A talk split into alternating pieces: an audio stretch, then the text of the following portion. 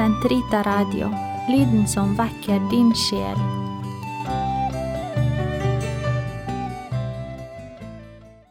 Den katolske kirkes katekisme, uke 38, 691 til 701, mandag. Den hellige ånds navn, betegnelser og symboler. Den hellige ånds navn. Hellig ånd er navnet på ham vi tilber og forherliger sammen med Faderen og Sønnen. Kirken har tatt imot dette navnet fra Herren og bekjenner det når dens nye barn døpes. Uttrykket ånd oversetter det hebraiske roa, som opprinnelig betyr ånde, pust, blest, vind. Jesus benytter seg nettopp av vinden som konkret bilde for å få Nikodemus til å fatte det nye og transcendente i ham som er Guds ånde personifisert. Den guddommelige ånd. Johannes 3, 5-8. På den annen side er hellig og ånd guddommelige attributter som er felles for de tre guddommelige personer. Men når Skriften, liturgien og det teologiske fagspråk knytter disse to uttrykkene sammen, betegner de Den hellige ånds uutsigelige person, uten mulig forveksling med andre betydninger av begrepene hellig og ånd. Betegnelser på Den hellige ånd Når Jesus varsler og lover Den hellige ånds komme, kaller han ham parakletos, bokstavelig oversatt den tilkalte, advocatus. Johannes 14, 16 og 26, og kapittel 15, 27 og 16, 7. Parakletos ble vanligvis oversatt med trøster, konsolator, slik som Jesus var den første trøster.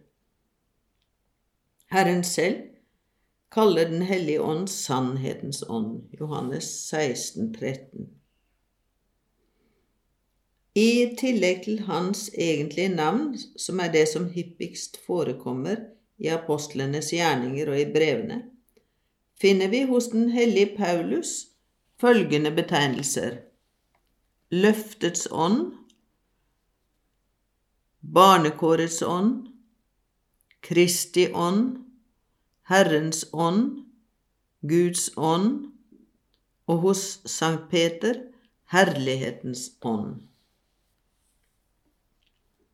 Den hellige ånds symboler Vannet Vannet symboliserer Den hellige ånds handling i dåpen, for etter at Den hellige ånd er blitt nedkalt over det, blir det det virksomme, sakramentale tegn på gjenfødelsen. På samme måte som vår første fødsel modnet i fostervann, på samme måte betyr dåps, døpevannet på en virkelig måte at vår fødsel til det guddommelige liv finner sted i Den hellige ånd. Men vi blir alle døpt i én ånd, og det er den ene og samme ånd vi har fått å drikke av. Første kor 12.13.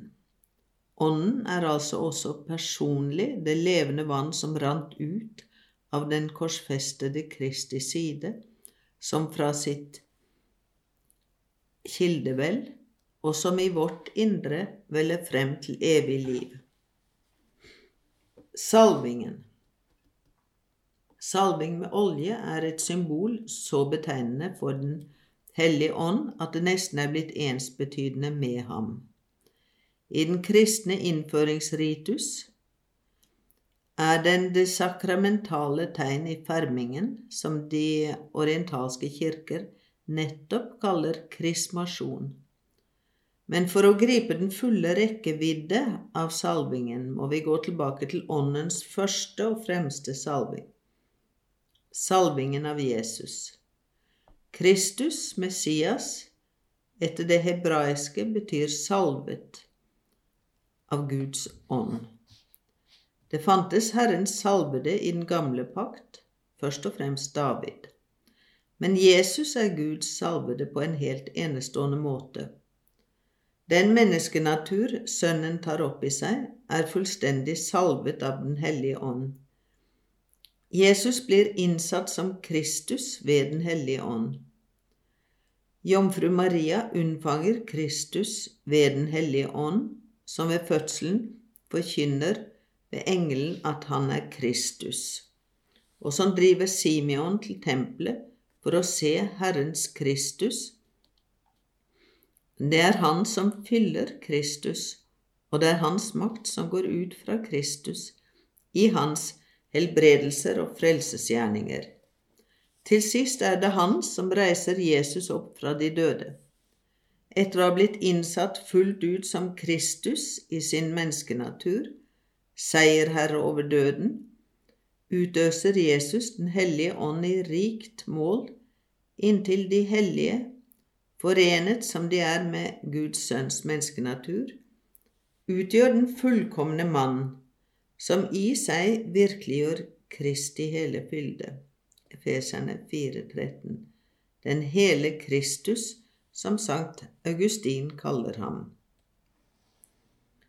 Ilden mens vannet betegner fødselen og det livets fruktbarhet som ånden gir, symboliserer ilden nyskaperkraften i Den hellige ånds virke.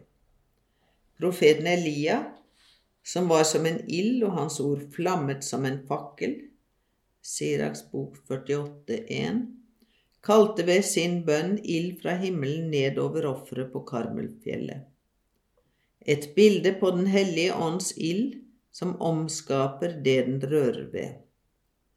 Johannes døperen som skal gå i forveien for Herren i Elias ånd og kraft.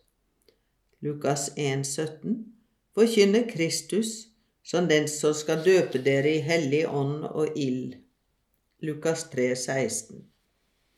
Den ånd Jesus taler om når han sier for å sette jorden i brann er jeg kommet, og hvor jeg skulle ønske at ilden alt var tent.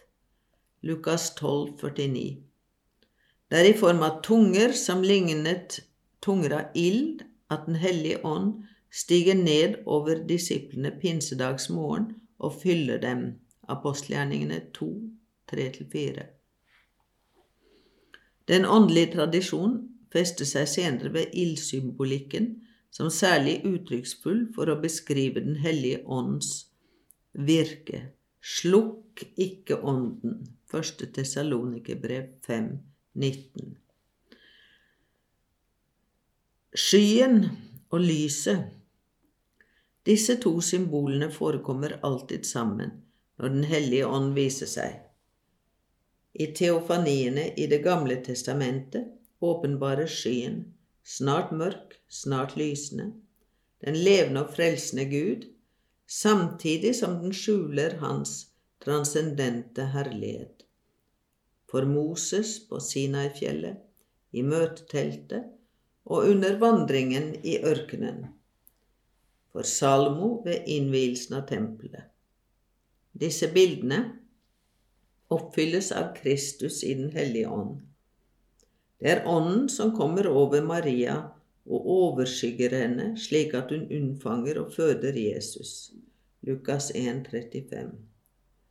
På Forklarelsens berg er det Han som kommer i en sky og senket seg over Jesus, Moses og Elias, Peter, Jakob og Johannes.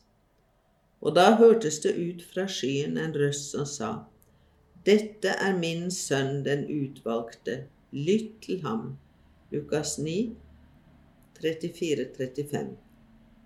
Til sist er det den samme skyen som tok Jesus bort for deres øyne på himmelfartsdagen, og som skal åpenbare menneskesønnen i hans herlighet den dag han kommer tilbake. Seilet er et symbol som ligner på salvingen. Det er nemlig Kristus, Faderen, har merket med sitt seil. Johannes 6, 27. Og det er i ham Faderen også merker oss med sitt seil. 2. kor 1.22, Efeserne 1.13 og 4.30. Fordi, fordi seilet, sfragis, som symbol viser til den uutslettelige virkning av Den hellige ånds salving i dåpens, fermingens og ordinasjonens sakramenter, er det blitt brukt i visse teologiske tradisjoner for å uttrykke den uutslettelige karakter, egentlig seilavtrykk, som disse tre sakramenter etterlater, og som da heller ikke kan gjentas. Hånden, ved å legge hendene på dem, helbreder Jesus de syke og velsigner de små barn. I hans navn gjorde apostlene det samme. Ja, det er ved apostlenes håndspåleggelse at Den hellige ånd ble gitt. Hebrevbrevet nevner håndspåleggelsen som en del av grunnvollen i sin lære. Dette tegnet på den allmektige utgytelse av Den hellige ånd har Kirken bevart i sine sakramentale epikleser. Fingeren. Det er ved Guds finger, Jesus, driver demoner ut. Lukas 11, 20. Om Guds lov ble skrevet på stentavler med Guds finger, Exodus 31, 18, da er brevet fra Kristus, besørget gjennom apostlene, skrevet med den levende Guds ånd, ikke på stentavler, men på menneskehjerter, tavler av kjøtt og blod. Ankor kor 3, 3. I hymnen Veni Creator Spiritus påkalles Den hellige ånd som finger på Faderens høyre hånd. Duen Henimot slutten av syndfloden, hvis symbolikk angår dåpen, kommer den duen Noah sendte av gårde, tilbake med en frisk olivengren i nebbet, tegn på at jorden på nytt er beboelig.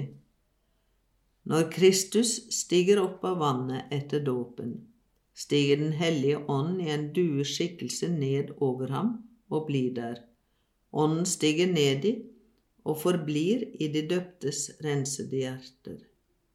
I noen kirker blir Den hellige eukaristi oppbevart, oppbevart i en dueformet metallbeholder, columbarium, som henger over alteret.